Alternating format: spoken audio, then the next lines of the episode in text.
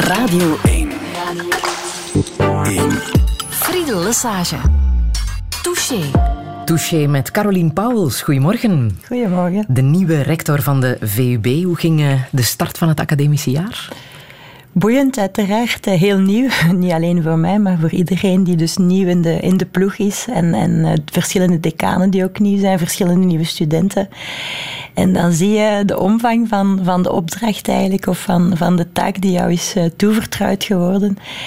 Maar ook ongelooflijk plezierig, moet ik ook wel zeggen. Er is uh, bij het begin van het academiejaar uh, heel veel vrolijkheid. Iedereen Ja? heeft, uh, ja, absoluut. Iedereen heeft zin in het nieuwe begin. Want een, een nieuwe lichting studenten zien toekomen op campus, dat Alles is is altijd nieuw. een nieuw begin.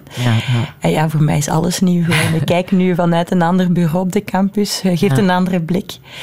En eh, ja, je, je ontmoet heel veel fijne collega's, dus het is eigenlijk heel plezant. Je bent ook eh, ja, de, de tweede vrouwelijke rector aan de VUB na Els Witte. Moet ook wel een bijzonder gevoel geven, denk ik. Hè? Dat is heel bijzonder. Het is, ehm, op de ULB was er al een eh, rector ook voor Els Witte. En voor de VUB is dit de tweede vrouwelijke rector. En uiteraard in Gent is er ook een vrouwelijke rector.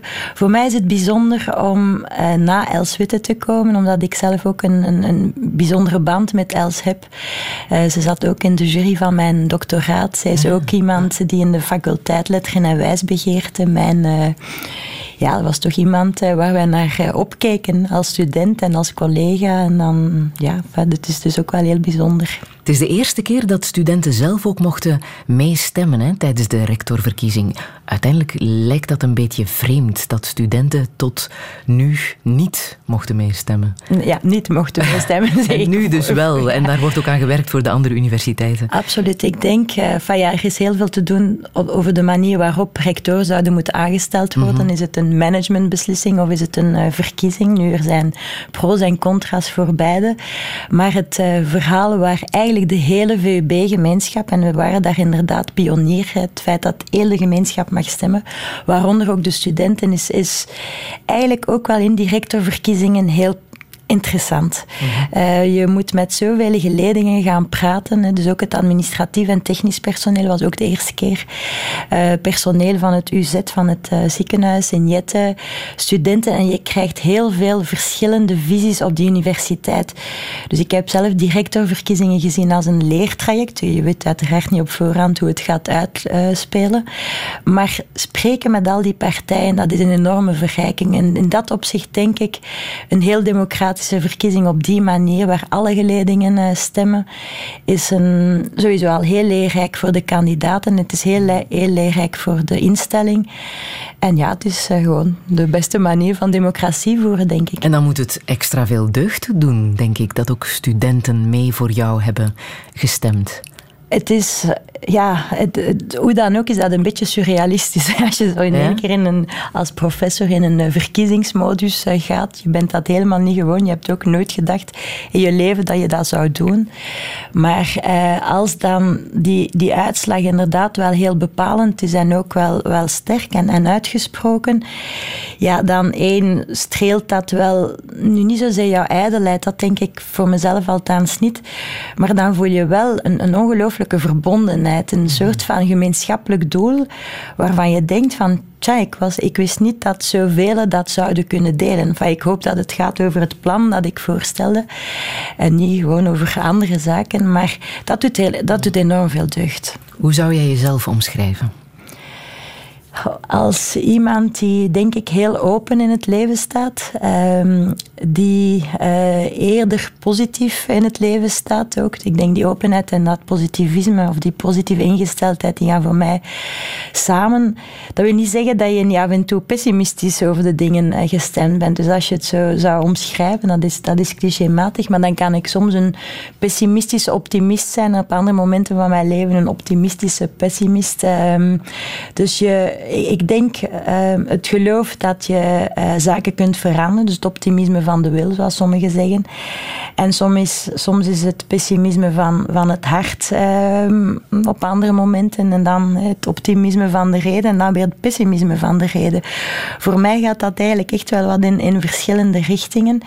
Ik ben wel duidelijk iemand die het glas eerder half vol zal zien. Ik zie het bijna nooit half leeg.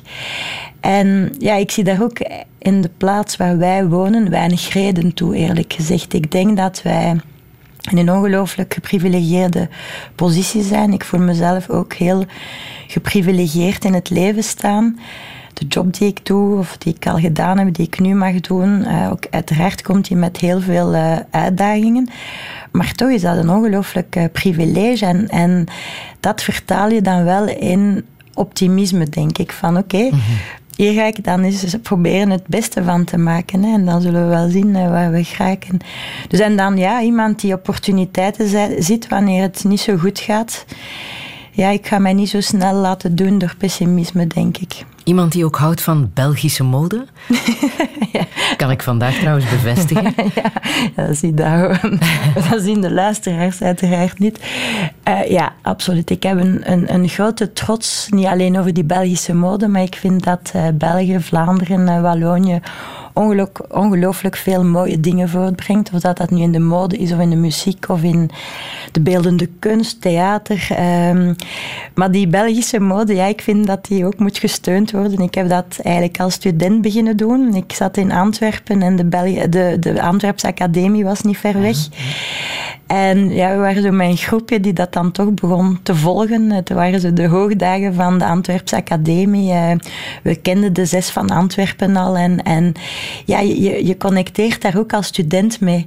Je mhm. denkt van, zij zijn een zoektraject bezig en een, een soort van ontwikkelingstraject zoals wij. Ik studeerde toen filosofie.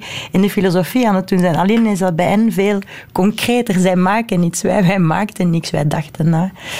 En dat maakt indruk op mij. Ja, mensen die ook met hun handen iets kunnen maken. Uh, of dat nu ja, kunstenaars zijn of die modespecialisten. Ik, ik heb daar bewondering voor.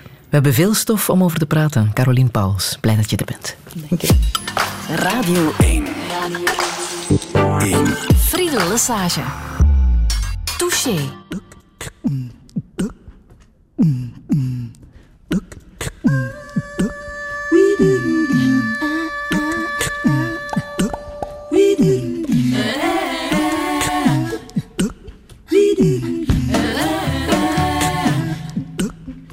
do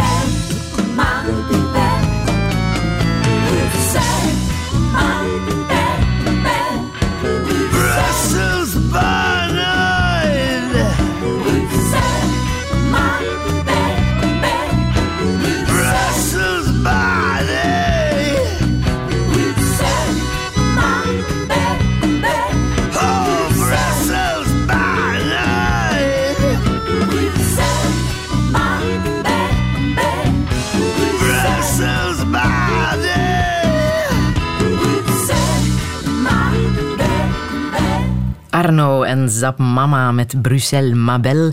Caroline Pauwels, ja, het is een ode aan de stad Brussel. En uh, dat is een uh, stad die jou ook heel na aan het hart ligt. Hè? Alles voor Brussel? Absoluut. Het is een, eh, een stad waar ik enorm van gaan houden ben. Ik denk dat het lied heel goed gekozen is, omdat het onmiddellijk uitdrukt wat een mengelmoes Brussel is. En, en voor mij is die mengelmoes naast de problemen die dat uiteraard ook met zich meebrengt... En, ongelooflijk uh, fijne omgeving om, om in rond te wandelen, om in op te groeien en om, in, om, om kinderen in op uh, te voeden ook. Uiteraard zie ik in die stad dan ook het belang van de universiteit. Uh, het feit dat we de universiteit nog veel sterker met de stad moeten gaan uh, verbinden. Daar leg je echt een nadruk op, hè? Absoluut. Ik denk dat het essentieel is. we hebben ook net het afgelopen jaar verschillende zaken meege, meegemaakt in Brussel, die uiteraard wel, wel fundamenteel chockerend eh, zijn. Nu, Dan heb je het over de aanslagen. De aanslagen, ook de, de vorm van polarisering. Heel veel militairen toch ook in het uh, straatbeeld. Ik denk niet dat dat altijd geruststellend is. Uh, dus het is zeker een, een, een stad met wonden eigenlijk. Mm -hmm. Ik denk ook niet dat ze daarin uniek is. Hè. Dus dat wil ik zeker ook niet gezegd hebben. Maar uh, het feit dat wij als VUB en ULB want ik zie die twee universiteiten echt wel goed uh, samenwerken en samen gedijen in die stad. Dat wij een beetje perifeer zitten. Wij zitten in Etterbeek, Oudergem, en Elsene. Wij zitten op mm. drie gemeentes, wat ook onmiddellijk de complexiteit van de stad uh, weergeeft. Maar um, de stad meer, of de universiteit meer betrekken op die stadswerking. Uh, de stad ook, wat mij betreft, als een onderwijslabo, zowel als een onderzoekslabo zien. Maar ook gewoon, heel de tijd is het, als er een universiteit ergens moet zitten Waar dan elders in België dan in Brussel? Uh, als je ziet wat, wat er uh, eigenlijk op iedere hoek van de straat jou als een soort van onderzoeksthema terechtkomt, uh, of tegemoetkomt, sorry.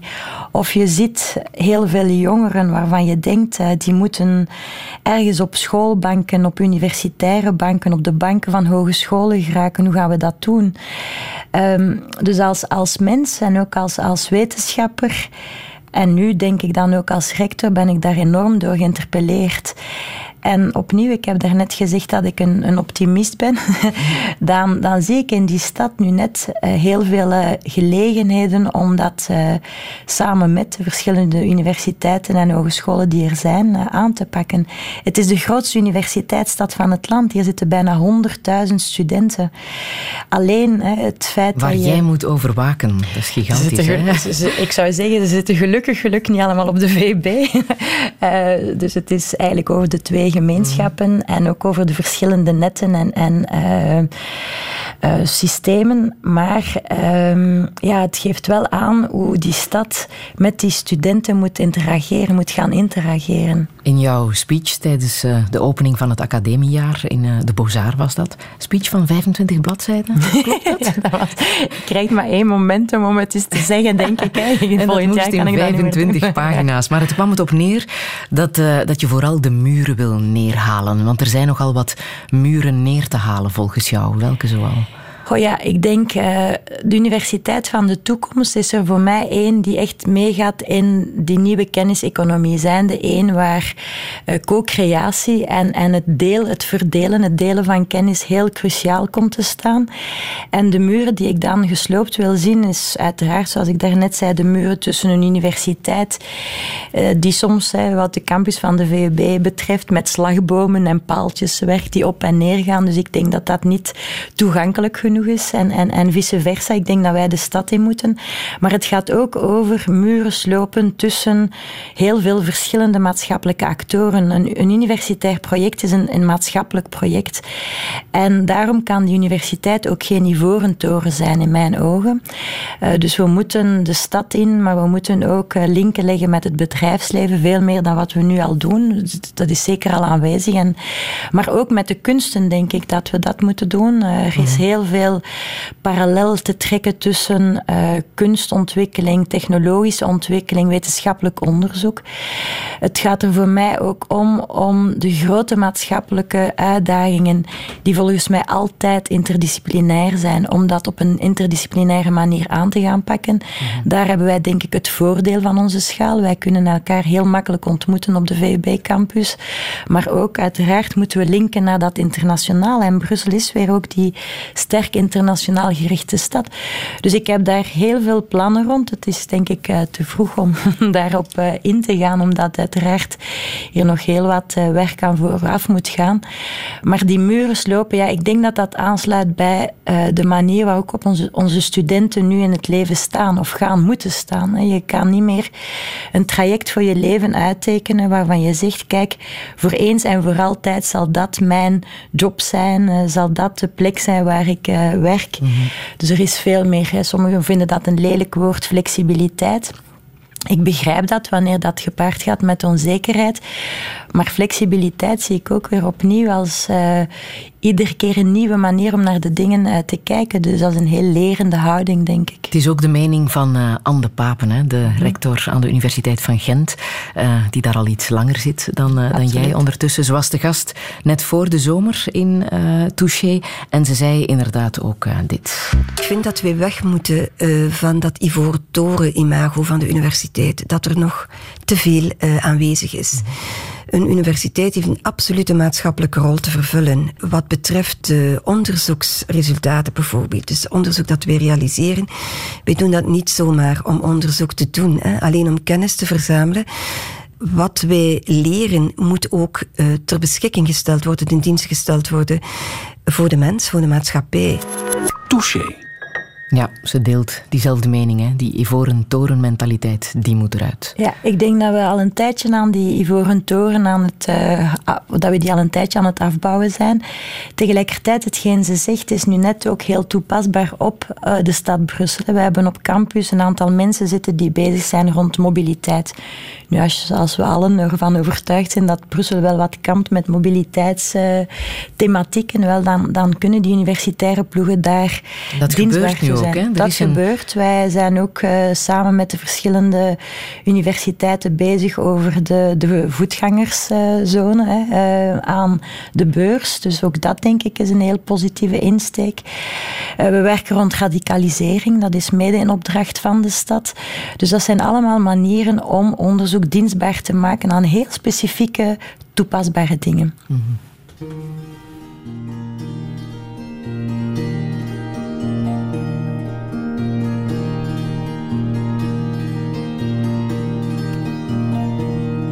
Voglio una casa, la voglio bella, piena di luce come una stella, piena di sole e di fortuna e sopra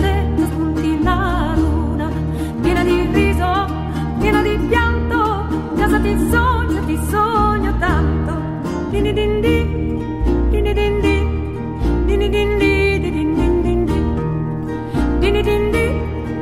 din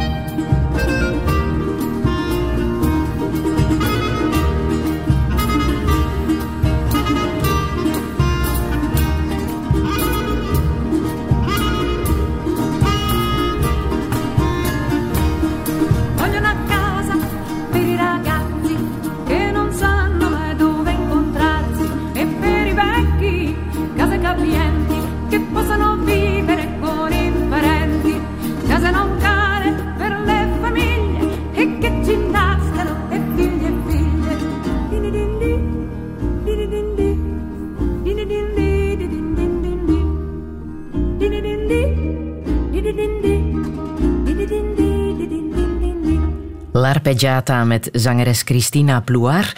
Ze zong Volio una casa. Ik wil een huis, ik wil een thuis, Caroline Pauwels. Waarom heb je dit nummer gekozen? Ik vind het een heel prachtig lied. Uh, het drukt ook absoluut uit wat ik denk dat een huis moet zijn. Een huis waar mensen welkom zijn. En dat geldt dat niet alleen wat mij betreft voor mijn eigen huis. Uh, maar dat geldt dat ook voor de maatschappij. Dat geldt dat ook een beetje voor Europa. Ik denk, uh, een tafel is altijd groot genoeg en lang genoeg om daar uh, mensen bij aan te schuiven. Mm -hmm. Dus opnieuw, voor bij mij thuis is dat zo. En het is ook de manier waarop ik zelf ben, ben opgevoed. Ja? Mijn ouders zeiden ook altijd... Ik denk dat het al kwam van mijn grootvader. Die zei van... Le repas d'un ami est bientôt prêt. En ik heb die gastvrijheid, uh, ik heb die zelf ook elders ervaren. Het feit dat je mag aanschuiven, ik vind mm. dat een fantastisch gevoel. Hetgeen dat ze beschrijft ook, het, ik vind het echt een heel mooi lied. Uh, ik luister er ook heel vaak naar, tot vervelens toe zeggen mijn kinderen. Ik, ik kan dat heel luid in uh, het huis laten schallen, bij wijze van spreken. Omdat... Uh, ze spreekt over een huis waar zowel muziek als poëzie als vrolijkheid hè, heerst, maar ook een huis waar generaties elkaar ontmoeten. Het moeten zowel de jonge generaties zijn als de ouderen die geen plek niet meer vinden. Dus ook dat intergenerationele samenwonen. Ik denk dat we dat wat verloren hebben. Je ziet dat nog wel in andere landen terugkeren, maar ik weet wel dat welzijn zowel van oudere mensen als van jongere mensen opgevoerd wordt wanneer ze net elkaar ontmoeten. En ik, ik vind dat heel mooi. We zitten ook op, op dat soort van denkpisten om, om oudere huizen uh, te maken, hè, waar je nu net die interactie ook mhm. hebt met, met jonge mensen of met kinderen. Zeg, en toen jij uh, jong was en aan tafel bij je ouders uh, zat, waarover gingen de gesprekken? Waarover werd dan gepraat? Goh, die gingen vaak, denk ik, ook over actualiteit. Hetgeen uh, mensen bezighoudt, hetgeen dat je hoort. Ehm, het ging zeker dikwijls over familiezaken. Er mhm. werd, ik denk ook, er werd ook wel vaak gelachen. En opnieuw, het feit dat we niet per se altijd enkel en alleen als gezin aan tafel zaten, maakte dat er altijd wel iemand ook aanwezig was met een verhaal, met een, uh, ja, met een insteek tot het, tot het gesprek. Ik heb ook uh, verschillende familieleden die in het buitenland woonden. En wanneer die dan aankwamen en wanneer er opnieuw rond de tafel uh, werd gezeten, dan was dat soms wat pestend eigenlijk. Het is ook wel een familie. Ik denk aan, aan vaderskant die uh, elkaar zo wel wat af en toe een, een steek onder water geeft. Uh, maar, maar waar je wel altijd heel sterk de verbondenheid voelde. Wij gingen ook allemaal samen op reis met, langs die kant. Uh, Dus uh, de, de vakanties waren met de neven en nichten samen. wij vertrokken dan in kolonnen, zou ik zo zeggen. En onderweg verloren we er dan altijd wel één uit het zicht. Want enfin, de auto's, als we naar het zuiden reden, dat was niet altijd zo goed. Ik had een onkel wiens uh, auto altijd een groot lichtje begon te branden. Het was altijd dezelfde die daarvoor had. Um, dus die, die familieverbondenheid is enorm. Ik bedoel, um, de, dus mijn herinneringen zijn er van samen zijn, samen op vakantie gaan, samen plezier maken. Maar heb je ook gerebelleerd? Absoluut. Ik heb heel sterk uh, gerebelleerd, eigenlijk vooral ook tegen mijn vader. Ja, hoe, hoe heb je dat um, gedaan? Ja, ik denk als kind um, zoek je je weg. Je zoekt je weg zoals hij zijn weg had ge gezocht. Um, generaties uh, geven natuurlijk bepaalde normen en waarden door. En als je rond bepaalde uh, normen en waarden misschien wel ja, af en toe je vragen begint te stellen. Niet omdat die normen en waarden niet juist zouden zijn, maar waar, waar je misschien denkt van worden die er nu wel goed toegepast? We, kunnen daar allemaal hoogdravend over zijn en gebeurt dat dan wel? Dus dat zijn, dat zijn gesprekken geweest en, en soms ook echt wel rebellerend ten opzichte van mijn vader die ik heb meegemaakt. En ik ben ook echt wel uh, af en toe heel, heel rebels geweest uh, in dat opzicht. Ook in, het, uh, in de keuze om filosofie te gaan studeren? Ja, absoluut. Want ik kan mij voorstellen in die tijd dat er toen werd gedacht, wat ga je daarmee doen met dat diploma? Ja, nu opnieuw, mijn ouders lieten wel een grote vrijheid en hebben ons nooit gezegd wat we moesten studeren. Dus dat was een ongelooflijk opnieuw privilege dat ik heb gehad. Maar filosofie was wel iets waarvan ze ze dachten, uh, wat kan je daar uh, eigenlijk mee doen? En, en wat ik, dacht je zelf? Ik was was jouw eigen ambitie met dat ik diploma? Ik moest daar het antwoord eigenlijk ook wel wat schuldig op blijven. ik, ik heb... Um, universiteit en ook vandaag blijf ik dat zo zien. Eh, ik, ik vind alles een leerproces. En die filosofie was voor mij een goede opstap. Nu, het was wel zo dat wanneer ik mij ging inschrijven in Antwerpen, dat ik had gezegd dat ik mij ging inschrijven voor rechten. En dat ik in één keer voor die um, persoon zat die moest inschrijven. Dat ik zei, ik ga filosofie studeren. En ik Daar was zelf verrast. beslist ter plekke. Ik had wel die twijfel van wat ga ik doen, geschiedenis, filosofie, rechten. En ik was naar daar gestapt met het idee, ik ga dan toch maar voor het pragmatische gaan. Ik ga rechten studeren. En dan ter plekke weet je van, nee, dit klopt niet, mijn hart ligt helders. En ik heb dat ook niet onmiddellijk thuis gezegd. ik ben eventjes zo wat in het ongewisse gelaten. En dan, uh, die filosofie, uiteraard, uh, blaast dat jou, jou overeind, toch wel. ben jij gedoopt als student? Als student zijn wij, ik studeerde filosofie en dat was uh, dopen niet eigenlijk echt in, in de traditie van, uh, er was een soort dooprituaal, maar je kan niet zeggen dat dat uh, ongelooflijk was. Dus ik kan niet, niet zeggen dat dat een doop is zoals men die vandaag of vorige week nog in de kranten heeft geportretteerd. Mhm. Nu hoe dan ook, dat weet ik, die dopen, die vettige dopen zoals men, waarover men spreekt, naar refereert, die behoren inderdaad wel tot het, tot het verleden hoe wordt er gedoopt aan de VUB? Er wordt, um, opnieuw, dat is heel verschillend van kring tot kring, van faculteit tot faculteit. Dus er zijn altijd wat uh, straffere kringen en faculteiten dan andere. Maar al bij al hebben wij daar weinig uh, last van of klachten over. Het is, wel zo dat je door het, het slijk een keer gaat. Ja. En, uh, ik vind dat zelf ook wel altijd wat uh, vernederend. Ik moet dan wel er af en toe naar, naar toe kijken en, en denken van kijk, hoeft dat nu? En toch denk ik achteraf, als ik die verbondenheid zie in die kringen, dan denk ik, het is eigenlijk iets uh, waar een basis wordt gelegd voor toch wel weer een, een, een, levensles. En ik zeg niet dat die levensles gebaseerd moet zijn op vernedering, maar toch wel eens eventjes... Uh, ja, die, die, die weg tonen. Hè. Ik bedoel, zin maar er is een facultaire kring in uh, de VUB waar naakt wordt gedoopt. Ik denk dat er, misschien standaard, ik denk dat we niet altijd op de hoogte zijn van alle zaken die op een doop gebeuren, nogal wel. Maar ik kan mij er van alles bij voorstellen. Waar je ook nog eens clash over je heen krijgt. Een Wellicht. soort van blauwe smurrie die dan een paar dagen aan je blijft kleven en waar je dan maar mee moet rondlopen. Wellicht. Ik denk dat dat, uh, ja, opnieuw, het zijn individuele keuzes. Ik denk als universitaire overheid dat je daar zeker niet op kan en mag ingrijpen. Uh, ook dat moeten studenten leren. Hè. Zeggen wanneer het hmm. voor hen genoeg is. En ik denk dat een dooprituaal daartoe aanleiding geeft. En ook zeggen van oké, okay, ik doe dat niet. En tant pis als ik dan een beetje als een soort van loser hè, zou beschreven worden. Ik denk dat je met die etiketten moet eventjes omgaan. Maar vooral leren zeggen tot daar niet verder.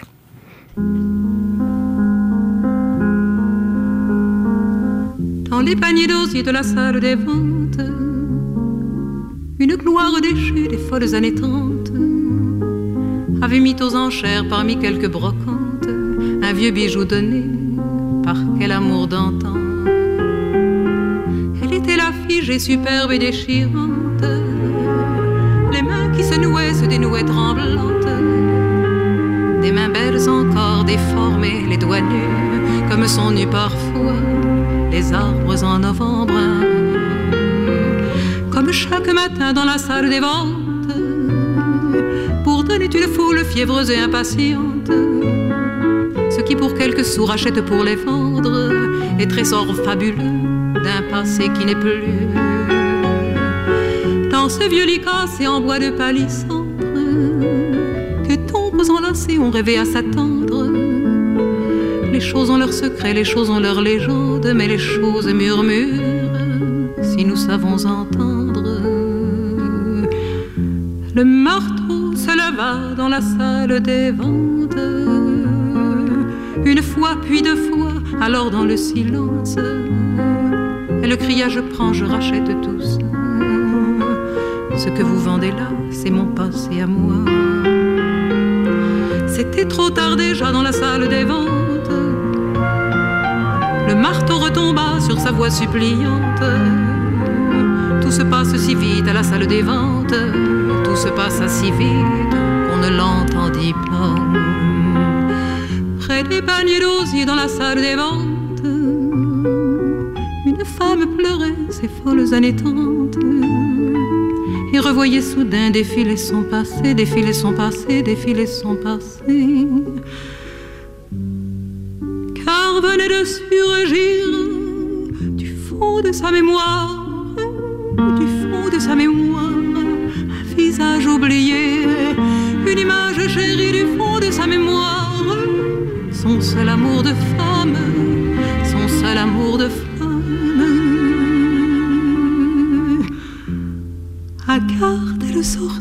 La salle des ventes, froissant quelques billets dedans ses mains tremblantes, froissant quelques billets du bout de ses doigts nus, quelques billets froissés pour un passé perdu. À garde, sortie de la salle des ventes. Je la vis s'éloigner, courbée et déchirante. De son amour d'antan, rien ne lui restait plus. Pas même ce souvenir, aujourd'hui disparu.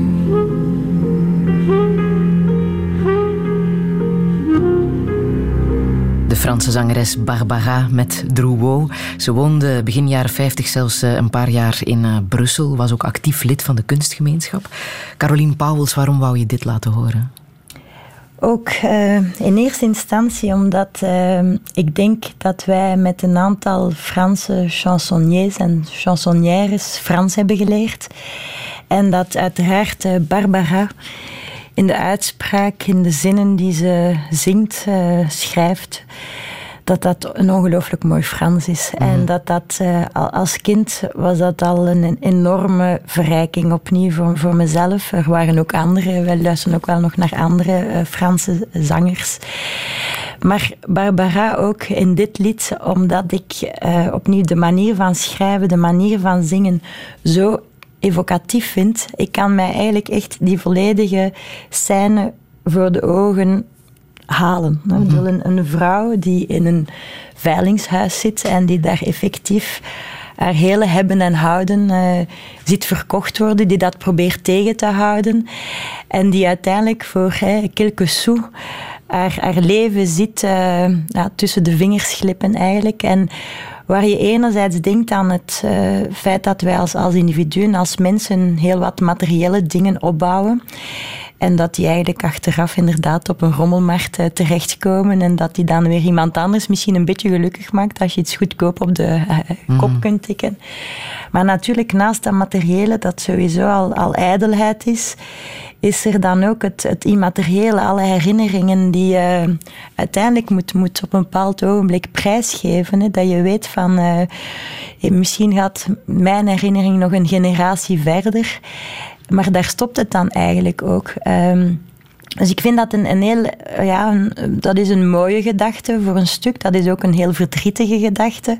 Op het eind van het lied hè, gaat ze dan ook hè, langzaam de zaal uitgezet worden en, en loopt ze weg hè, van haar passé, van haar verleden. Mm -hmm. En ik heb me al dikwijls afgevraagd, hè, als je dan eigenlijk, als het einde komt, hè, bij wijze van spreken, als men dan zegt van die laatste seconde, waar zou je aan denken? Ik denk daar heel vaak aan. Ik heb daar eigenlijk als kind begon ik daar al aan ja? te denken van uh, hoe, hoe, wel, welke zaken ga je herinneren? Wat ga je nu als die gelukkige momenten herinneren?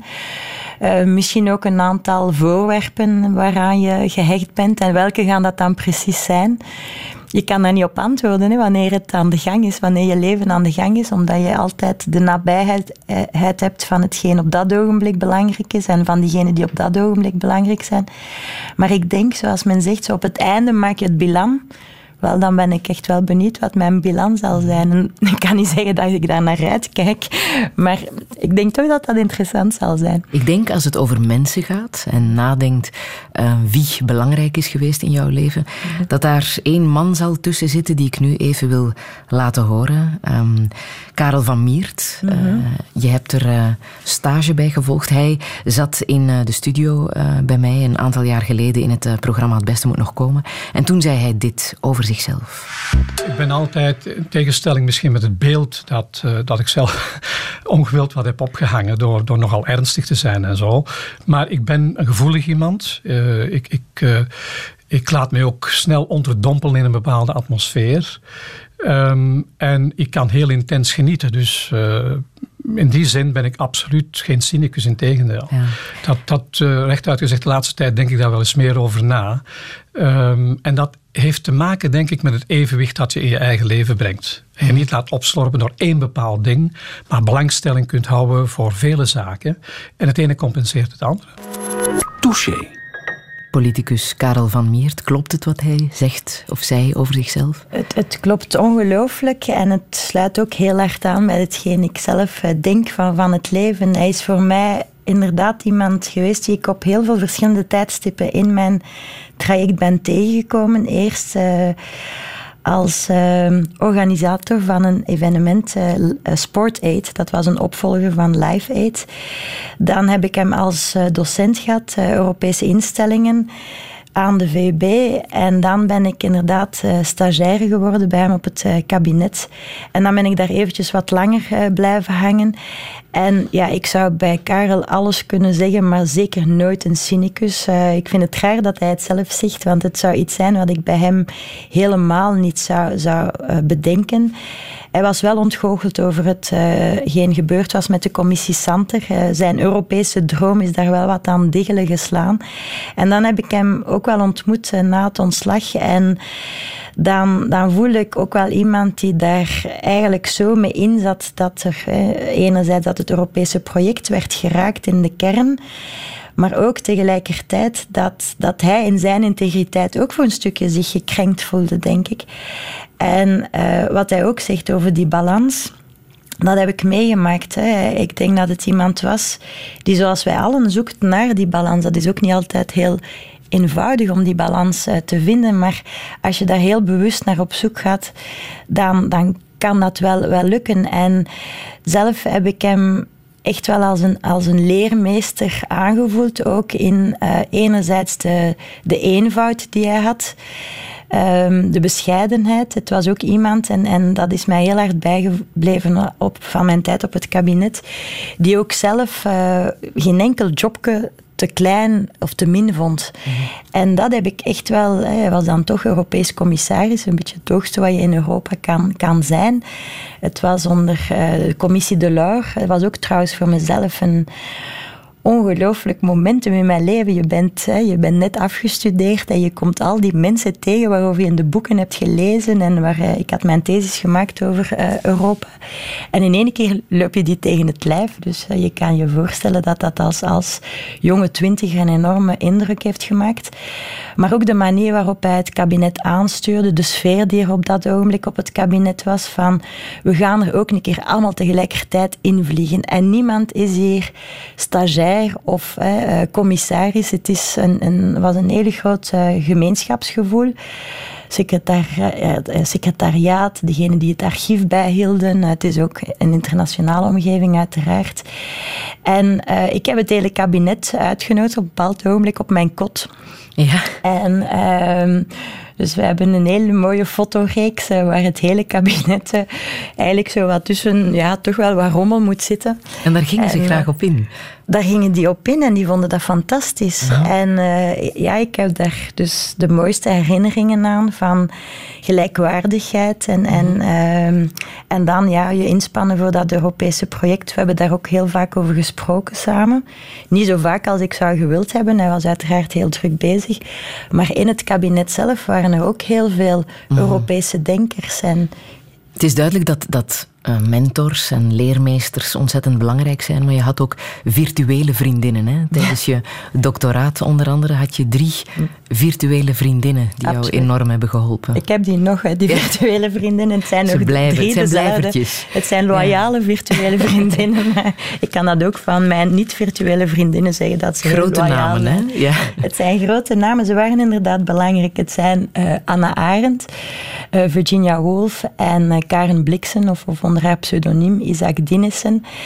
En uh, tijdens mijn doctoraat, als Karel van Meert net sprak over de balans, wel, die virtuele vriendinnen die zorgden voor mij voor de balans, omdat ik heel graag las over hun denken. Eh, ik las hun werken graag, ik las hun denken graag. Ik luister ernaar. Uh, ik zocht daar van alles over op uh, tijdens in een soort van parallele track met mijn doctoraat over Europa en uh, mediabeleid. En die virtuele vriendinnen die waren voor mij belangrijk omdat zij alle drie die tocht naar vrijheid ondernamen.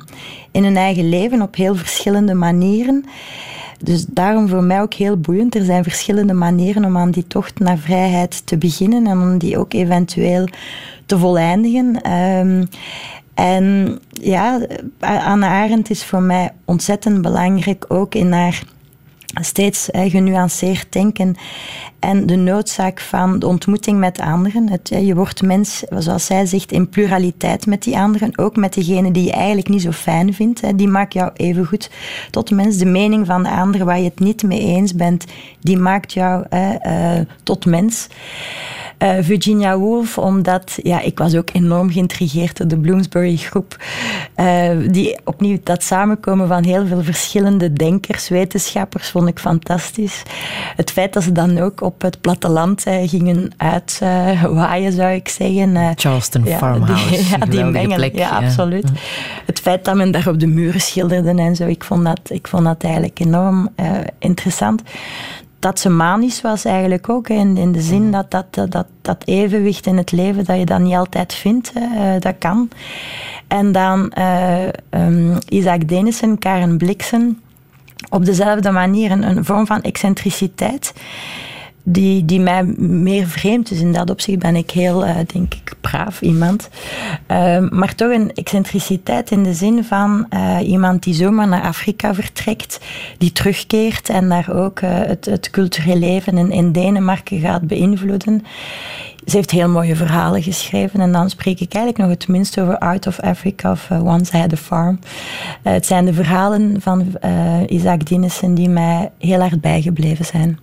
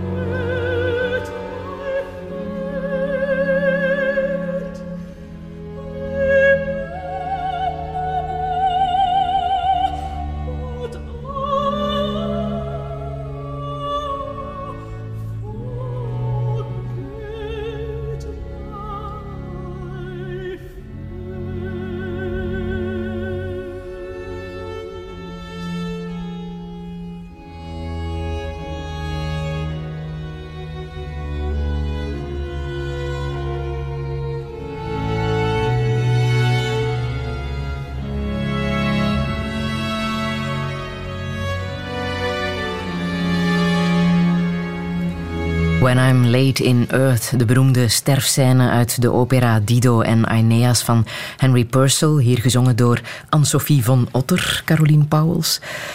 Wat heb je met dit prachtige stuk muziek?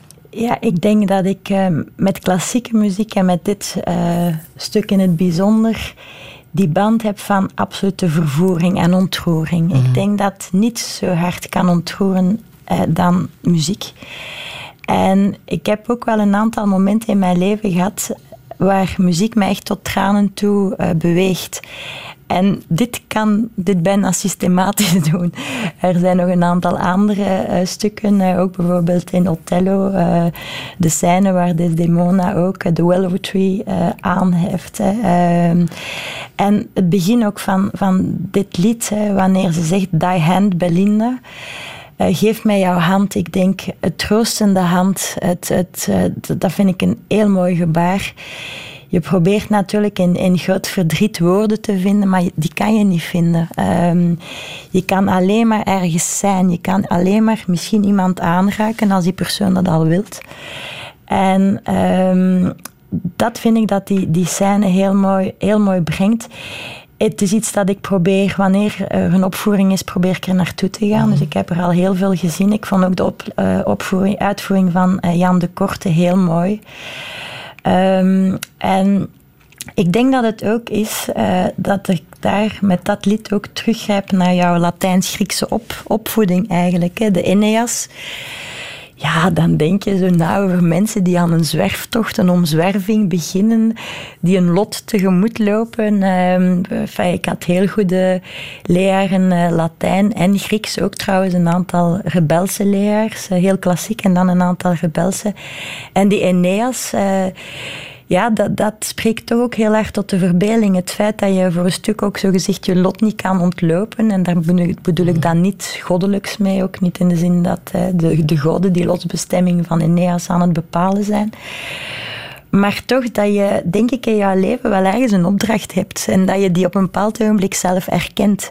En dat je die dan tot op het einde wel wil voltrekken. Ook al ga je dan op een bepaald ogenblik weg van een geliefde, of dat het nu een echte liefde was of een opportunistische, of, daar staan verschillende interpretaties van. Maar ik zeg dat je echt cultuur zuigt. Je kent zowat alle cultuurplekken in Brussel en daarbuiten. Je bent ook niet weg te slaan van Theater aan Zee, waar je een grote fan van bent. Hè. Je bent uh, film- en documentaire liefhebster. Uh, het giet alle kanten uit. Hè. Verzamelaar van kunstboeken ook. Ja, Toch een uh, kleine afwijking of een grote afwijking die er gerust mag zijn. Ja.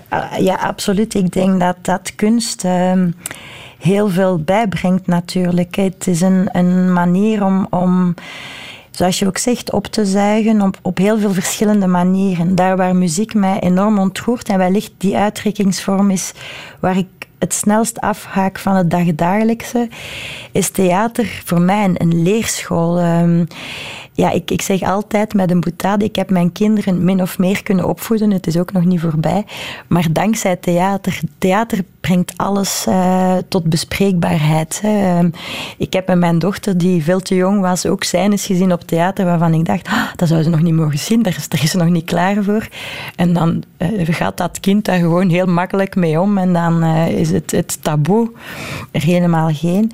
En beeldende kunst ehm, ja, dat, dat op dezelfde manier. Ook daar misschien toch af en toe die ontroering. Ik herinner mij te zitten in, in, in Tate in de uh, chapel van Rotko. Mhm. En toch ook tot tranen toe uh, bewogen, omdat je alleen bent.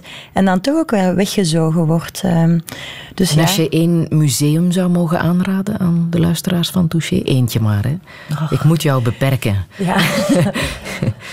Ik hou wel van, van kleine plekken, eerlijk gezegd. Uh, vandaag misschien zou ik heel opportunistisch het Spiljaardhuis in Oostende aanraden, als ik dat dan mag, omdat het een groot kunstenaar is.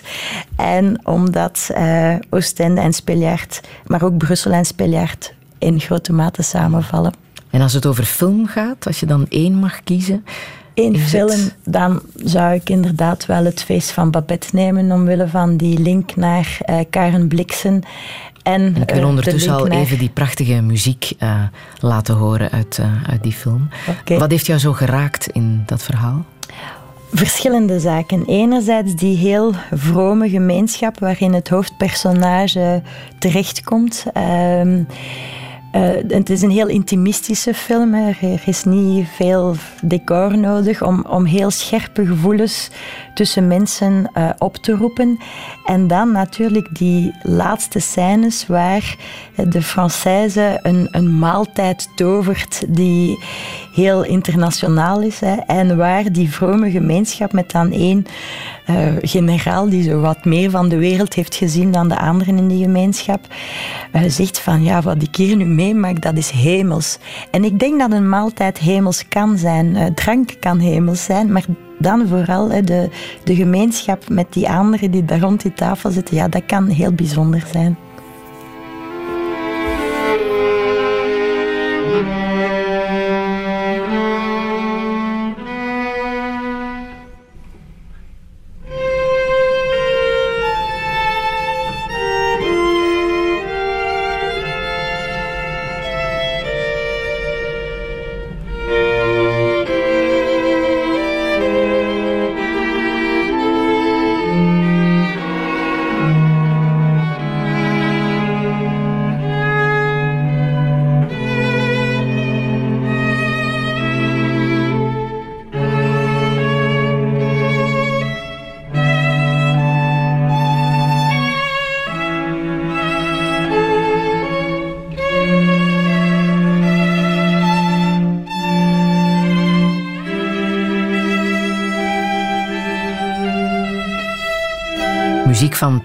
Per Neurgard was dit uit uh, de film Het Feest van Babette, film van uh, Gabriel Axel, die ook de Oscar won voor beste niet-Engelstalige film, film uit 1988.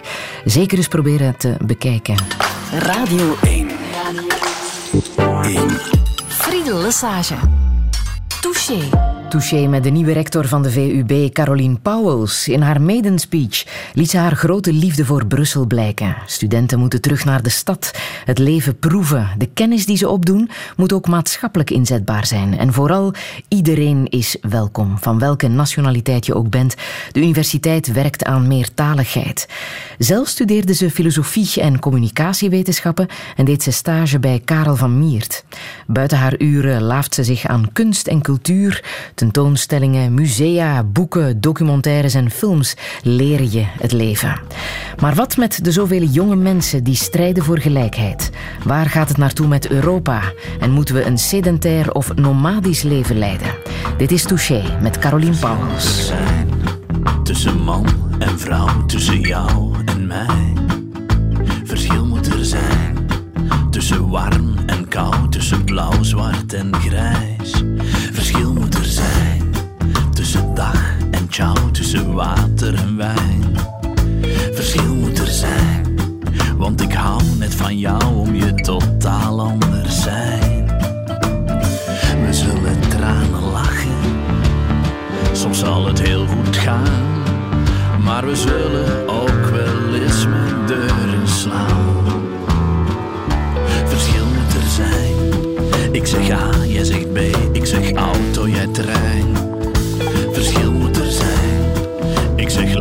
Jij zegt zee, ik zeg groot en jij klein.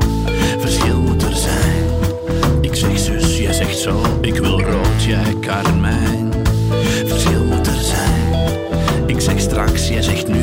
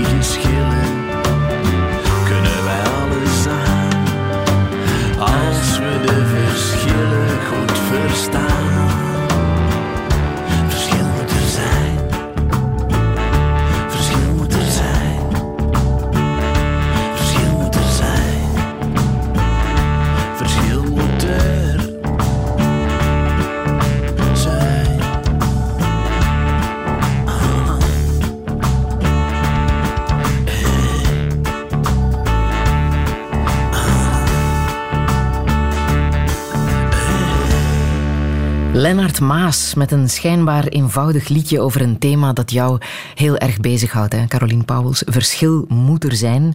Jij zal dat niet tegenspreken. Nee, ik denk dat het uh, de basisconditie is tot, vooruitgang. Ik denk in een uh, monomaan denken of een uh, unisono gedachtegoed dat je gewoon niet meer vooruitgang kan maken. En uh, dat verschilt, ik zie dat op, op heel veel verschillende manieren eigenlijk. Uh, ik ga er wel vanuit dat verschillen ook clashen met elkaar. Um, op, tijdens de academische opening heb ik dat ook op mezelf betrokken, op de meerlagigheid van identiteiten. Hè. Je bent altijd tegelijkertijd verschillende dingen. Ik zei van, ja, kijk, ik ben, ik ben Brusselaar, ik ben Europeaan, ik ben Belg, ik ben Vlaming, maar ik ben ook moeder, ik ben academica en nu de komende tijd rector. En af en toe zal dat leiden tot heel hectische toestanden. En, en ik heb ook gezegd, mijn huis ligt dan wat rommeliger. Mijn kinderen eten wat later. Maar in die end vind ik dat je al die gelaagdheden nodig hebt om, om, om ook als mens uh, genuanceerder te kunnen denken en niet te veroordelen. Ik denk dat je pas door verschil het luisteren naar de anderen, omdat hij wel eens gelijk zou kunnen hebben, dat komt niet van mij, maar uh, ik denk dat dat waar is. Uh, onlangs zei een collega dat wij op de VUB blijkbaar een opleiding hebben die uh, noemt uh, we hebben twee oren en één mond en dat is niet zonder reden. Ik denk dat dat juist is. In eerste instantie is het heel belangrijk dat je leert luisteren naar die mening van de anderen of je leert te interesseren voor die anderen die je opnieuw a priori niet zo zou aantrekken. En dat is al een hele moeilijke opdracht. En van daaruit denk ik dat je dan gaat naar het verdedigen ook van die anderen. Ook al moet die dingen zeggen of al zegt die zaken die jij ook niet per se interessant of, of, of legitiem vindt, maar je moet dat, dat wel doen. En ja, ik, ik werk via de blik van de anderen en ik werk via de mening van de anderen. Uh, wanneer de blik van de anderen mij ontzegd wordt, Zoals bijvoorbeeld, stel dat een, een vrouw volledig gesluierd is, dan vind ik dat die mij de mogelijkheid tot een menselijke dialoog ontzegt. Maar voor al het andere denk ik, wanneer je zowel de ogen ziet, het gelaat ziet, als je kunt luisteren naar hetgeen die persoon te zeggen heeft, denk ik dat je eh, echt bezig bent met, met mens worden. Mhm. Jouw engagement daarin gaat zo ver dat je sinds twee jaar Difference Day organiseert. Dat doe je zelf. Je zet dat zelf op omdat het nodig is. Wat, wat gebeurt er tijdens die Difference Day? Ja, dus uh, op 3 eh, mei is de Werelddag van de persvrijheid. En uh, op een bepaald ogenblik, wanneer je als academica afvraagt van oké, ik doe mijn wetenschappelijk onderzoek, ik geef mijn lessen, maar een academie moet voor nog wat meer staan, of een maatschappij. En ook het Westen moet nog voor wat meer staan dan enkel en alleen goed onderzoek en goed onderwijs, wat heel belangrijk is trouwens. En dan dacht ik dat dat voor mij neerkomt op het verdedigen van het vrij onderzoek omdat vrij onderzoek inderdaad nuance brengt in het uh, debat en ook wetenschappelijk gefundeerde argumenten. En dan ook vanuit dat vrij onderzoek de vrijheid om dat onderzoek naar buiten te brengen of die meningen naar buiten te brengen. En waarom noemen we het Difference Day? Omdat nu net ook die oefening naar het verschil van meningen en het respect dat je moet hebben voor die meningen, dat dat heel makkelijk gezegd is, maar heel moeilijk gedaan wordt. En um, dus wat doen we daar? Op, uh, wij komen samen in, in Bozar en wij hebben een hele dag, en, en dus uh, inderdaad, ik heb het in gang gezet, ik doe daar heel veel voor, maar uiteraard kan ik dat niet alleen. Er zijn heel veel vrijwilligers die hieraan meewerken. Maar vooral zien we dat op internationaal, op Europees en Brussels niveau. Dus we halen mensen uit de wereld naar Brussel die uh, soms in landen zitten waar vrijheid van meningsuiting helemaal niet aan de orde is. Maar ook hier in Europa is dat niet het geval. Ook al zou je denken dat wij hier uh, makkelijker kunnen spreken gebeurt niet. Maar ook in Brussel denk ik dat we een teken moeten geven als hoofdstad van Europa dat vrijheid van meningsuiting en vrijheid van um, ja, overtuiging enzovoort, dat zijn de basiswaarden en die moeten wij ten alle tijde uh, verdedigen. Voor mezelf is dat vrijheid van meningsuiting, ook al is dat dus die mening van die anderen die mij niet zo gemakkelijk valt. -hmm. Er wordt ook een, eh, een prijs uitgereikt, de uh, Honorary Title for Freedom of Expression. En die ging dit jaar naar een blogger, Ravi Uh, Raif Badawi, wie, wie is hij precies? Raif Badawi is een uh, Saudi-Arabische blogger die uh, al een tijdje in de gevangenis zit. Zijn vrouw en kinderen zitten in Canada. het was de eerste keer dat wij de prijs uitreikten. Dat was aan, aan Raif Badawi. Vorig jaar hebben we het aan twee, een Algerijnse vrouw en een Marokkaanse vrouw uitgereikt. Dus we proberen daar vooral mensen te honoreren. En dat hoeven geen journalisten te zijn trouwens. Dat kunnen kunstenaars zijn, dat kunnen wetenschappers zijn. Die op een structurele manier in moeilijke omstandigheden hun mening blijven verkondigen. En dat uh, heeft hij gedaan. Hè? Raif Badawi is tot uh, 100 stokslagen uh, veroordeeld omdat hij eigenlijk een heel simpel principe verdedigde van scheiding van kerk en staat, maar dat dan in een Saudi-Arabische context. Dat hij ijverde voor uh, inderdaad een vrijheid van meningsuiting, vrijheid van uh, geloofsovertuiging enzovoort. Dus al de zaken waar wij van denken, oké, okay, daar kan je nu toch niet voor in de gevangenis uh, vliegen. Wel, hij heeft dat gedaan. En ook zijn familie heeft hier enorm onder, onder te lijden. Mm. Dat dat kan, want als je naar zijn uitspraken luistert, die zijn langs geen kanten chockerend voor ons.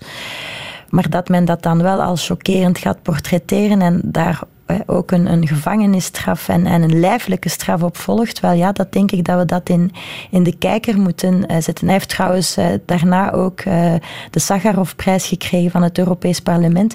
En ik was in dat opzicht, ook al is dat misschien heel jammer, ook blij dat we Raif Badawi als eerste ooit die uh, Difference Day Honorary Title for Freedom of Expression hebben kunnen uitreiken. Ik was ook heel hard onder de indruk van zijn vrouw, die gewoon een strijd voor hem op leven en dood aan het voeren is. -hmm.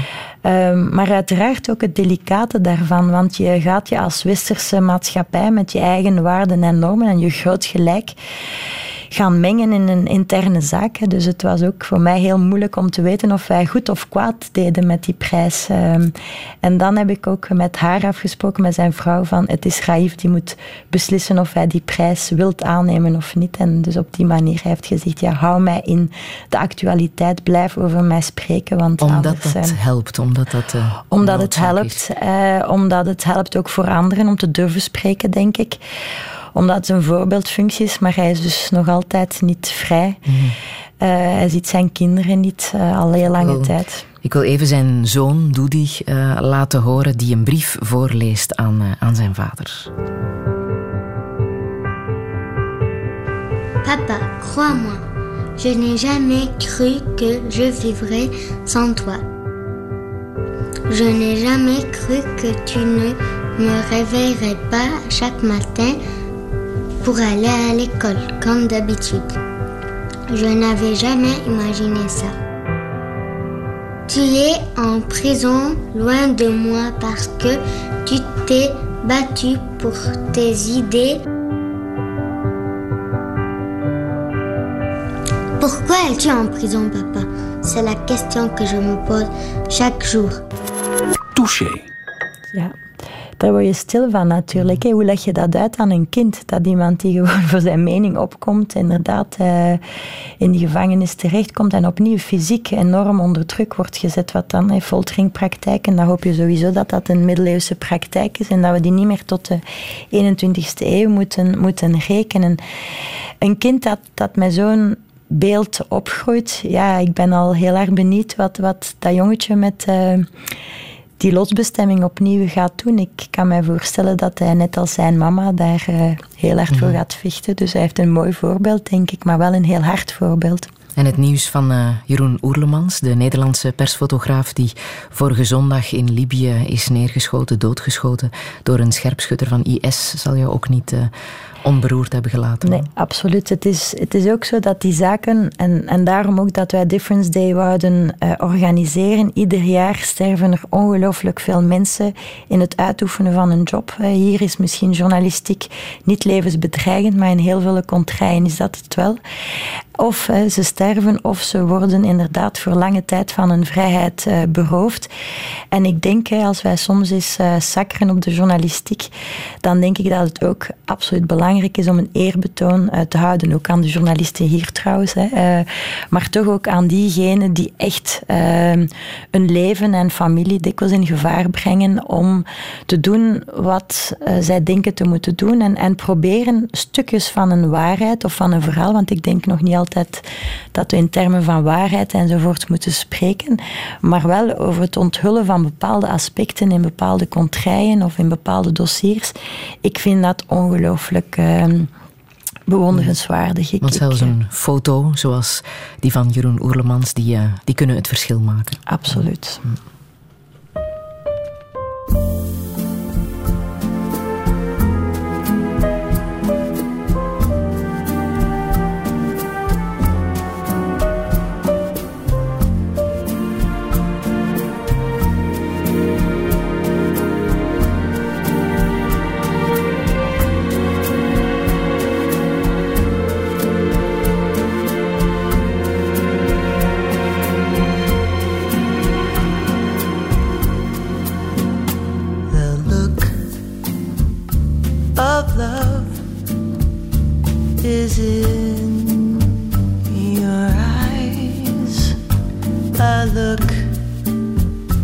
Your smile can't disguise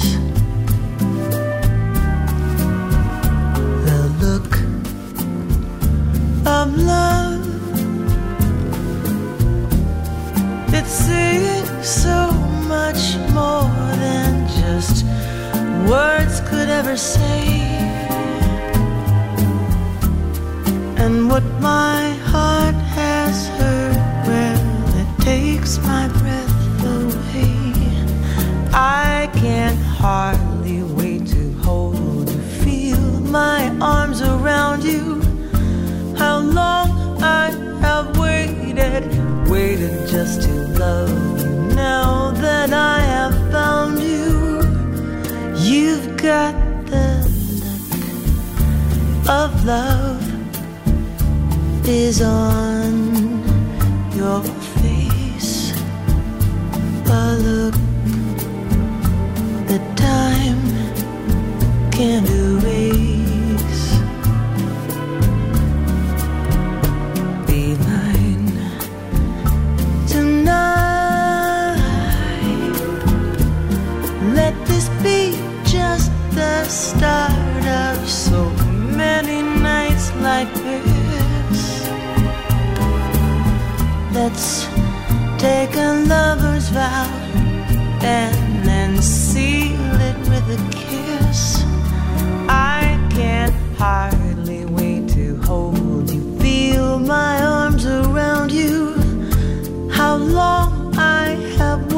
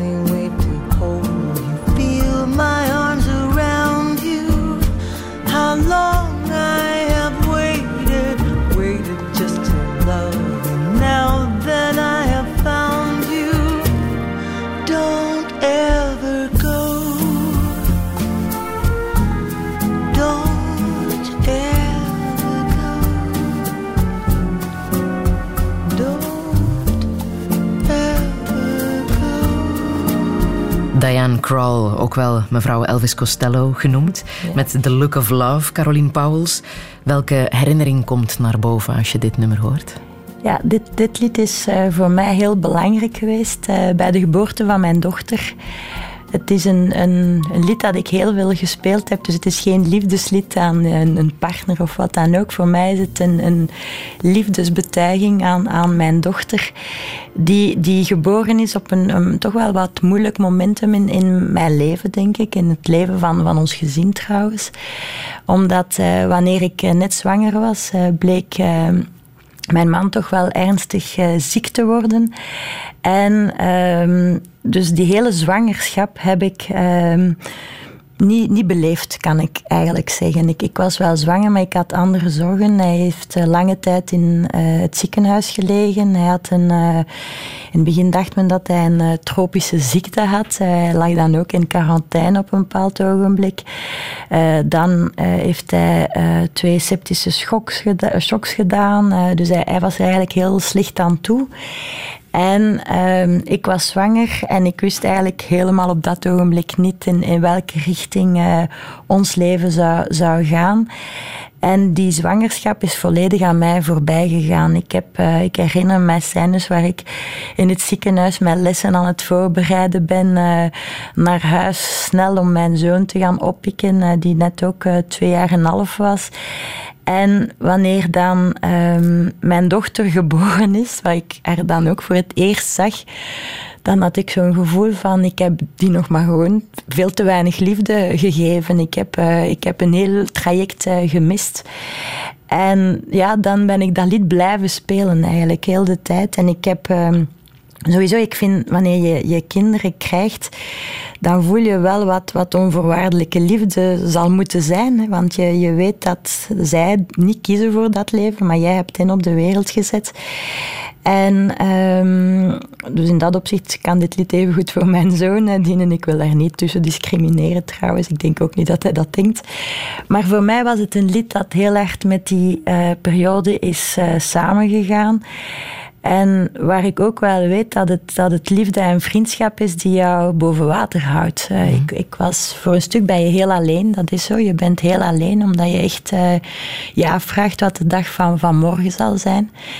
En dan uh, tegelijkertijd weet je wel dat heel veel mensen voor jou zorg willen dragen. Maar ik stelde mij wel die vraag van, kijk, als dat hier slecht afloopt, hoe ga ik mij hier doorslaan? En uh, ja, dat was dan al zeker met, oké, ik ga alles doen voor de kinderen. Ik bedoel, dat was echt zo het, en dat blijft in mijn hoofd zitten trouwens. Uh, mijn man is dan heel langzaam hersteld. Hij is ook een heel lange tijd uh, verlamd geweest. Dus hij is naar huis gekomen. En het is een heel uh, nomadische persoon. Het is iemand die heel veel reist. Oh, en toen ook al heel veel reizen. Vandaag eerst die vrees van een tropische ziekte. Maar ook een heel sportief iemand. En plots kan die persoon niet meer de trappen op in je eigen woning. En is die eigenlijk aan, aan bed gekluisterd. En ja, dat speelt dan natuurlijk ook heel erg op dat gezin in. Hè. Je, kan, uh, je, je, je, je schikt de woning daarop, uh, je schikt jouw leven daarop. En je ziet ook iemand die echt aan het afzien is, uh, niet alleen fysiek, maar op den duur ook echt psychisch. voor hem was het ook een uitgemaakte zaak dat hij hier in België niet zou kunnen herstellen. Het is hier te grijs, het, is hier, het was te regenachtig, het was, ja, het was februari trouwens, of hij is ziek geworden in... in in oktober. En um, ja, dat heeft dan ook ertoe geleid dat hij, wanneer mijn dochter, die Anna Violet heet, uh, zeven maand oud is, is hij vertrokken naar uh, de andere kant van de wereld, naar uh, Vanuatu. Een eiland in de Pacific Ocean. Een, ja, eigenlijk wel een mooi eiland, moet ik wel zeggen. We zijn er geweest. en voor hem was dat een, een soort... Um, ja, voor ons beiden denk ik was dat voor hem het inzetten van, van herstel, fysisch herstel en psychisch herstel. Maar dat heeft er wel toe geleid dat hij wel uit ons leven is uh, verdwenen. Niet zozeer daarom... Uh, ja, psychologisch uiteraard niet, maar, maar wel fysiek. Hij is uh, lange tijd daar geweest. Hij is dan af en toe terug naar Europa gekomen. Heeft hier dan een langere tijd uh, gewoond wanneer de kinderen al wat ouder waren. Maar de kinderen hebben nooit met hem uh, samengewoond, bijvoorbeeld. Ze zijn dus echt...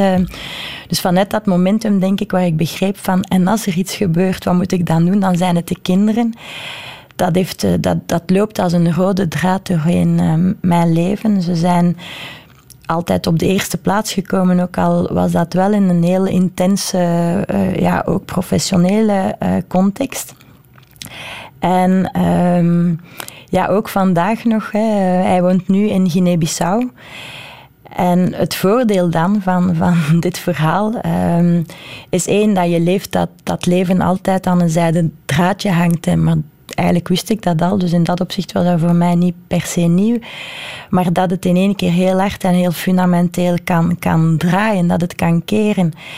En dat je dan wel moet weten wat jouw prioriteiten zijn en uh, dat je dat dan ook wel kan halen. Voor de kinderen heeft dat betekend dat zij uh, weliswaar voor een stuk zonder hun vader zijn opgegroeid, maar uiteraard een, een, een emotionele band met hem hebben. Het is ook een, een heel fijn iemand.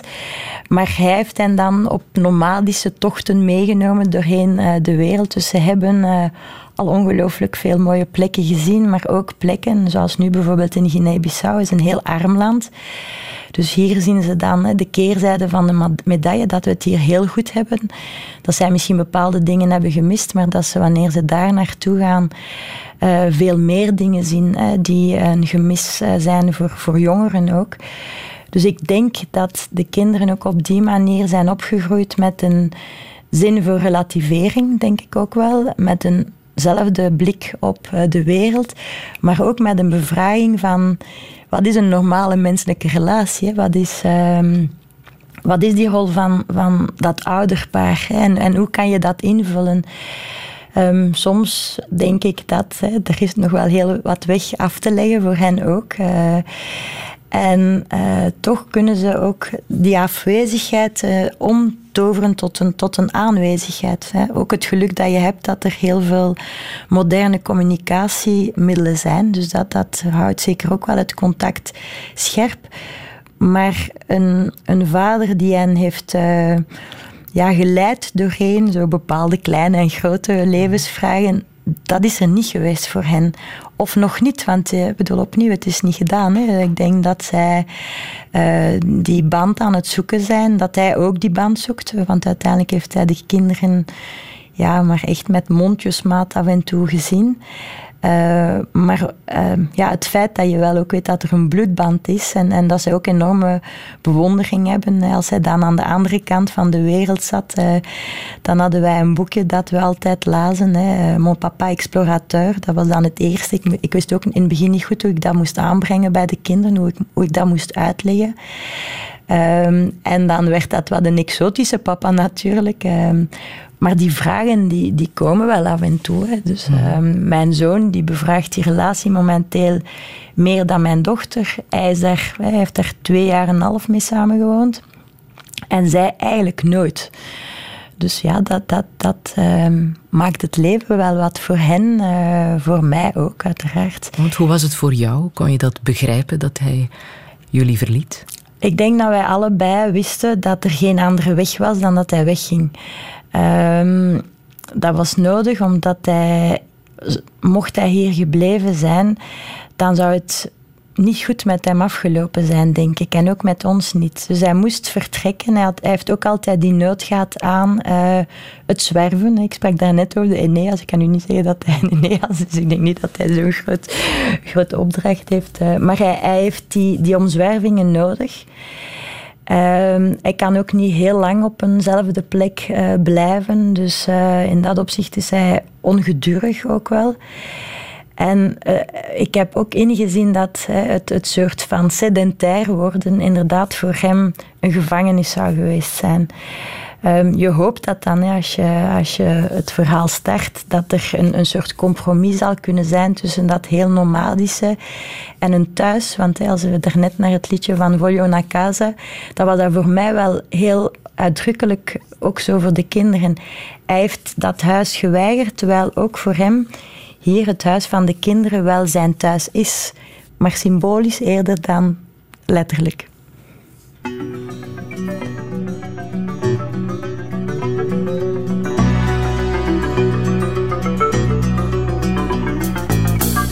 I was a highwayman.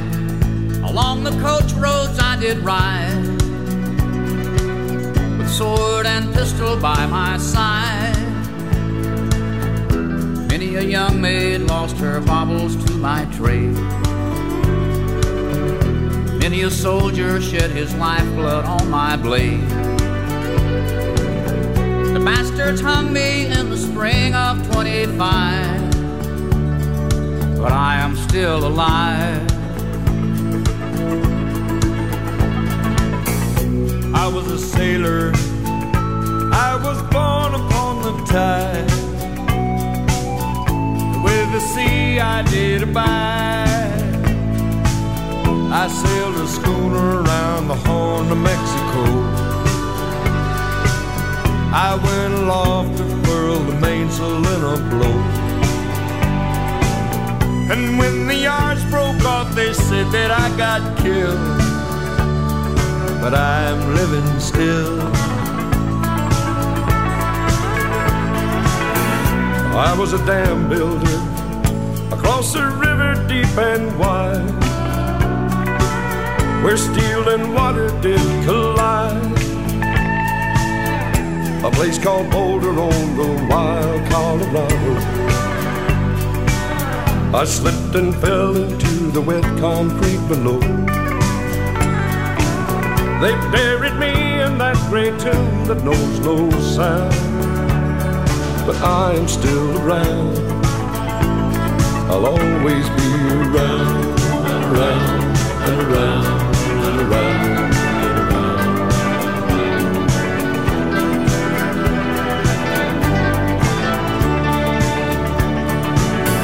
I fly a starship across the universe divide. And when I reach the other side, I'll find a place to rest my spirit if I can. Perhaps I may become a highwayman again. Or I may simply be a single drop of rain. But I will remain.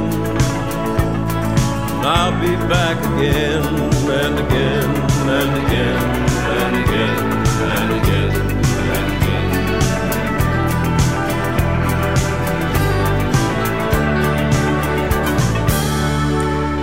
Highwayman. En die Highwaymannen, dat zijn uh, Willie Nelson, Waylon Jennings, Chris Christofferson en Johnny Cash. Het is een nummer van uh, Jimmy Webb uit 77, maar deze versie is de bekendste. Uh, Caroline Pauwels en heeft ook betekenis voor jou, hè? de Highwayman. Ja, absoluut. Um, ik heb, we hebben het net over de kinderen gehad de prioriteit die ze zijn. En um, we hebben veel gereisd. Ze hebben dus ook heel veel alleen gereisd met hun vader.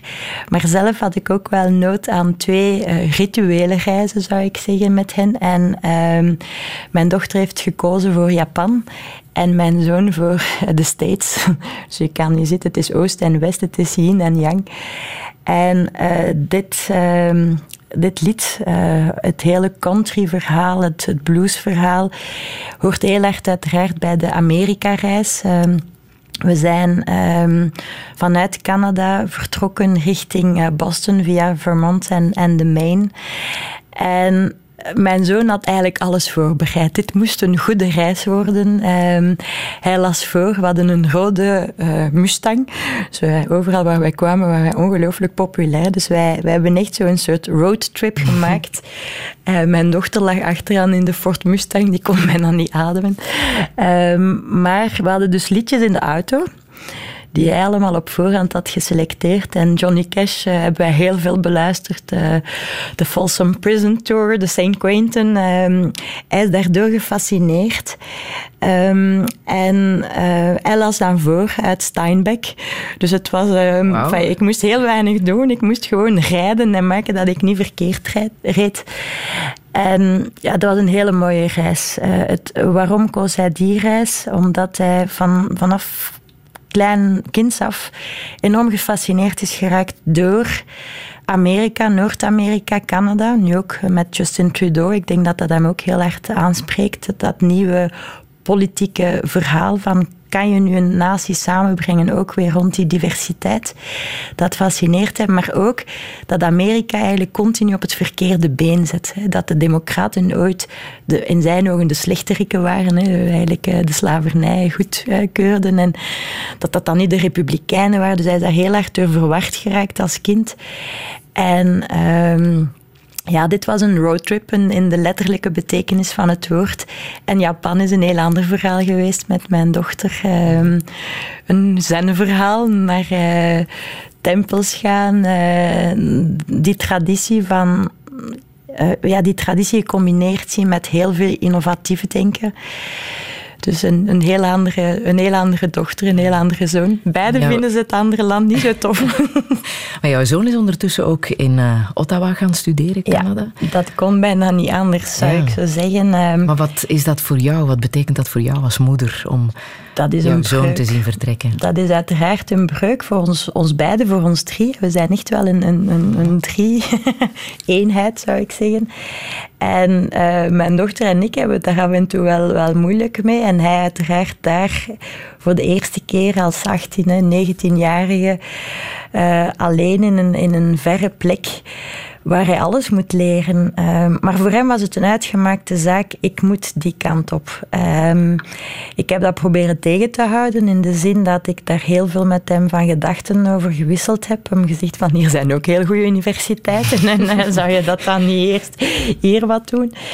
Um, maar opnieuw, dan ben ik wel zo dat wanneer iemand zijn of haar weg herkent, en wanneer dat uitgesproken wordt, dan zal ik daar zeker in meegaan. Dan zal ik eh, proberen dat die persoon geraakt waar hij of zij moet geraken. En dat geldt niet alleen voor mijn kinderen. Ik herinner mij ook studenten die eh, eh, bijvoorbeeld die kant op wilden. We hadden toen nog geen uitwisseling met de States.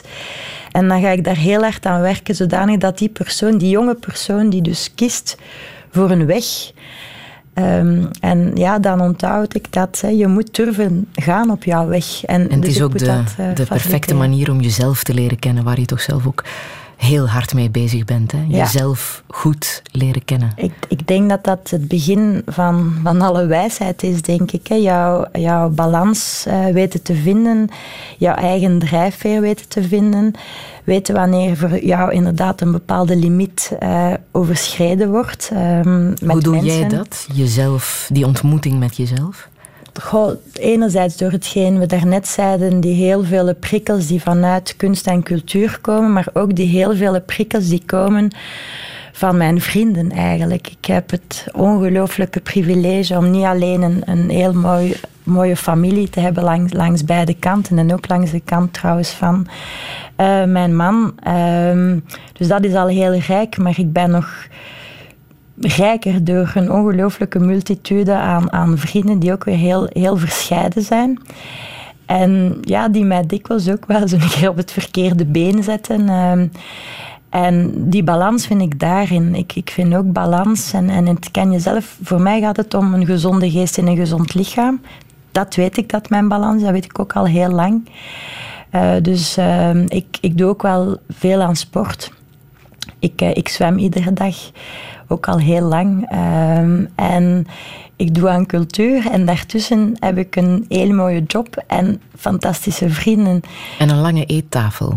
Een heel lange eettafel. Die heel erg belangrijk is ja, voor jou, hè? Ja, absoluut. En die ik nu een beetje aan het uitbreiden ben. Nog aan het uh, uitbreiden? ik ben niet aan het uitbreiden. Ja. Ik ben aan het verbouwen thuis op een slecht momentum van mijn leven, moet ik nu ook wel zeggen. Maar uh, de lange eettafel was mijn eerste aankoop met uh, eerste uh, geld dat je verdient door een job uit te oefenen. En daar moesten op zijn minst twaalf mensen aan kunnen zitten. En uh, het is een bank met, het is een tafel in mijn ogen altijd met banken rond, omdat je dan nog wat meer kunt schuiven. En nu ben ik dus bezig aan een, aan plek in de tuin waar er een veel langere eettafel kan staan. En ja, ik, ik vind dat is voor mij inderdaad de absolute balans. Eh. Wat gebeurt er aan zo'n eettafel met vrienden? Wat, wat is daar de magie van voor jou? De magie is ten eerste, dus dat zijn voor mij niet altijd ongelooflijke eetfestijnen. Dat kan gerust een, uh, een stoverij zijn, dat kan gerust uh, frikanon met krieken zijn enzovoort. Dus dat hoeft niet altijd heel ingewikkeld uh, te zijn. De magie is uh, samen te eten, samen te drinken en dan worden daar wel heel veel zaken besproken. Zowel vanuit de dingen die ons chockeren of gewoon de, de ja, de levensvragen die men zich stelt en, en die uiteraard op ieder momentum van jouw leven uh, terugkeren. Opnieuw die tafel ook zo divers mogelijk uh, ja, zien aanschuiven, vind ik ook weer heel, heel plezierig. Ik, ik hou ervan om vrienden te mengen ook waarvan ik denk, zouden die het wel met elkaar kunnen vinden. En wat fantastisch is geweest, uh, dat mijn vrienden, die dus uit heel verschillende kringen komen, mij ooit een verrassingsfeest hebben uh, voorbereid. En dat heeft mij enorm, ja, uiteraard uh, ontroerd. Ik vond ook dat dat te veel eer was. Maar het, het bewijst wel dat die vrienden elkaar vinden. En ook buiten mij om, wat eigenlijk ook wel heel straf is. Af en toe was ik daar een beetje jaloers van. van maar die zien elkaar buiten mij. maar nu vind ik dat een heel goede zaak.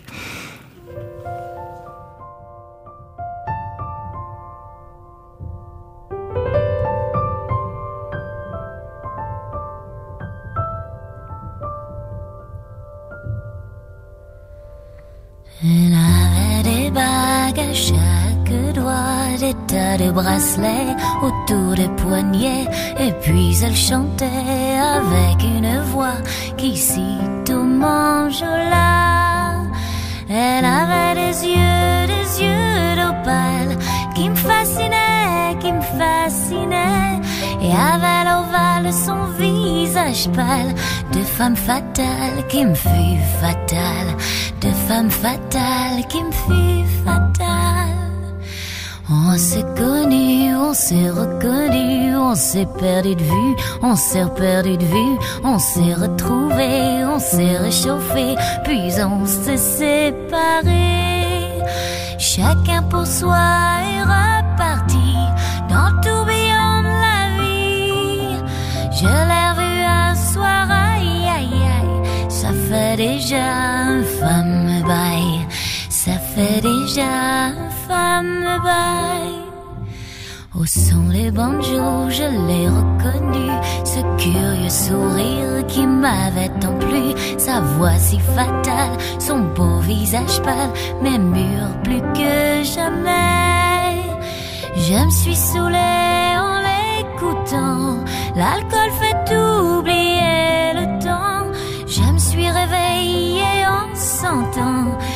des baisers sur mon front brûlant, des baisers sur mon front brûlant.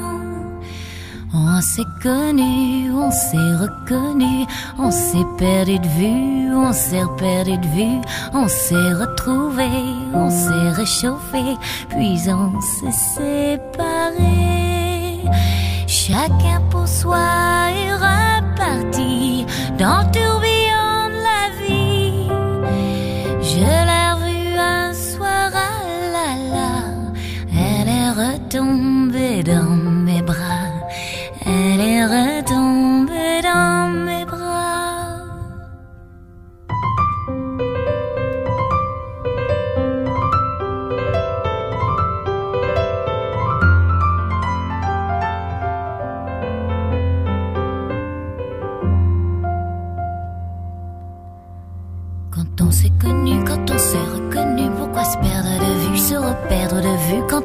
retrouvé, quand on s'est réchauffé, pourquoi se séparer?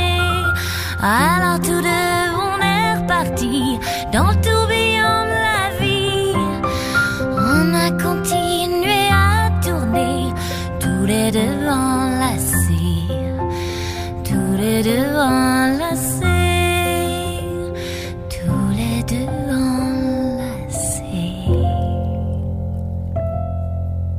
Tourbillon de la Vie, het eh, bekende liedje dat Jeanne Moreau zingt in eh, de film Jules et Jim van François Truffaut, film uit 62. Maar hier in de versie van Vanessa Paradis, en daar stond je op, Caroline Pauwels.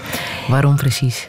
Ja, ik vind... Ehm, ik heb het liedje voor het eerst uh, door Vanessa Paradis horen zingen in een ontmoeting met Jeanne Moreau. Dus daar ontmoeten toch eigenlijk twee ongelooflijk, wat mij betreft, mooie vrouwen van uh, Frankrijk elkaar. Die ook voor een, een tijdperk staan. Ehm, ik, dit, ik, uh, ik heb Vanessa Paradis ooit uh, ontmoet, maar toevallig uh, bij ja? een kapperszaak in Parijs. en zij ging dus op een hele sensuele manier in die kapperstoel zitten. en ik dacht, die kapper die had die nooit kunnen kappen. maar was een, ook een hele vriendelijke trouwens. maar dit lied was nog voor elkaar ontmoeten eigenlijk voor mij al belangrijk, omdat de titel vind ik al heel juist, Le Tourbillon de la Vie. Uh, het leven dat, dat het running in circles, bij wijze van spreken. Het feit dat je mensen altijd terug opnieuw tegenkomt. Dus uh, dat je beter ook wel goed met mensen omgaat, omdat je nooit, nooit weet wanneer je ze, ze, ze terug ontmoet. En um, het feit ook dat daar in die, in die tourbillon wel af en toe um, zaken verkeerd lopen. Dat is trouwens ook die film. Hè. Julie Gimes is een, een, een film over een driehoeksrelatie, maar die veel meer is dan, dan een driehoeksrelatie uiteraard. Het, uh, de, de verwachtingen die soms niet worden ingelost. Uh, de, de vriendschap die niet altijd uh, stand houdt. Uh, dus al dat soort zaken uh, vind ik interessant om, om over na te denken. En ja, dit zijn twee monumenten volgens mij. En, en ook vind ik heel mooie vrouwen. Jeanne Moreau was schitterend. Ze ondertussen 88. Ja, en nog altijd ja. actief. Wanneer ze dus samen begint te zingen met Vanessa Paradis, is het ook een, een, een beeld van een ongelooflijke schoonheid en van een groot respect voor elkaar. Ook dat vond ik heel mooi. Jij bent ondertussen 52. Absoluut. Wat zou je nog echt willen in het leven? Ik denk dat ik uh, dit, die opdracht die ik nu heb opgenomen, dat ik die tot een goed einde breng. Dat ik uh, de VUB ergens kan brengen waar ik zelf wel vind van oké, okay, dit is nu weer een stapje naar het volgende momentum, naar de toekomst toe. En dat dat ook voor een stuk uh, erkend wordt. En vooral zou ik uh, uiteraard uh, mijn naaste omgeving zo gelukkig mogelijk willen zien en hopelijk ook zo gelukkig mogelijk willen maken. Dus dat opnieuw, dat is prioritair. Ja. Welke boodschap zou je hier nog willen meegeven? De boodschap in het leven, denk ik, is dat je um, nooit kan oordelen, nooit kan veroordelen. En dat opnieuw, dat je pas wanneer je alle elementen hebt, uh, een beetje dichter komt bij ook de manier waarop die andere de zaken heeft beleefd, niet alleen jij. En dat je het uh, in die end toch niet altijd zult weten, denk ik. Uh, en dat je dat moet aanvaarden, dat je probeert en dat je leert, ook van je fouten. En dat je van daaruit weer de volgende stap kan zetten. Zoals in het liedje van Jean Gabin. Ja, absoluut. Ik dacht al dat je daar... van, absoluut. Het, het, liedje van Jean Gabin, Je sais qu'on sait jamais. Dat is ook weer een lied waar ik heel vaak naar luister. En het is, uh, wat hij zegt, uh, is net wat ik voel. Uh, je vergeet de momenten van tristesse, maar je onthoudt altijd de, mo de, momenten van tendres. Wanneer het goed gaat, dat ga je herinneren. En die verdrietige momenten, die moet je proberen uh, te plaatsen en van daaruit verder te gaan.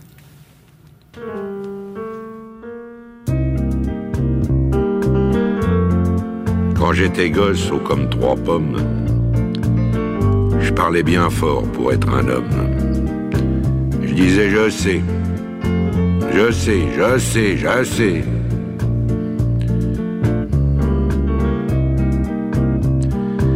C'était le début, c'était le printemps. Mais quand j'ai eu mes 18 ans, j'ai dit je sais. Ça y est, cette fois je sais.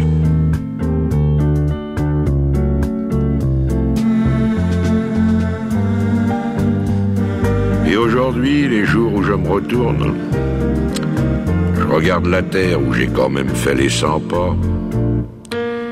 Et je ne sais toujours pas comment elle tourne.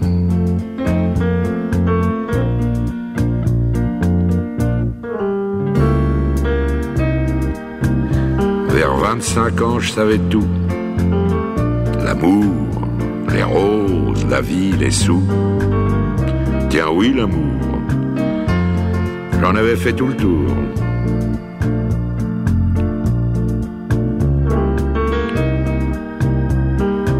Malheureusement, comme les copains, je n'avais pas mangé tout mon pain. Au milieu de ma vie, j'ai encore appris.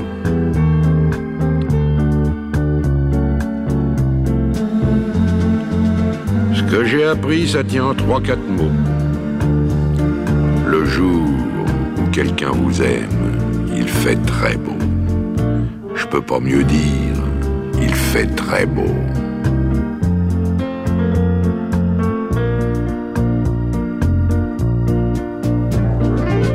C'est encore ce qui m'étonne dans la vie. Moi qui suis à l'automne de ma vie. On oublie tant de soirs de tristesse, mais jamais un matin de tendresse.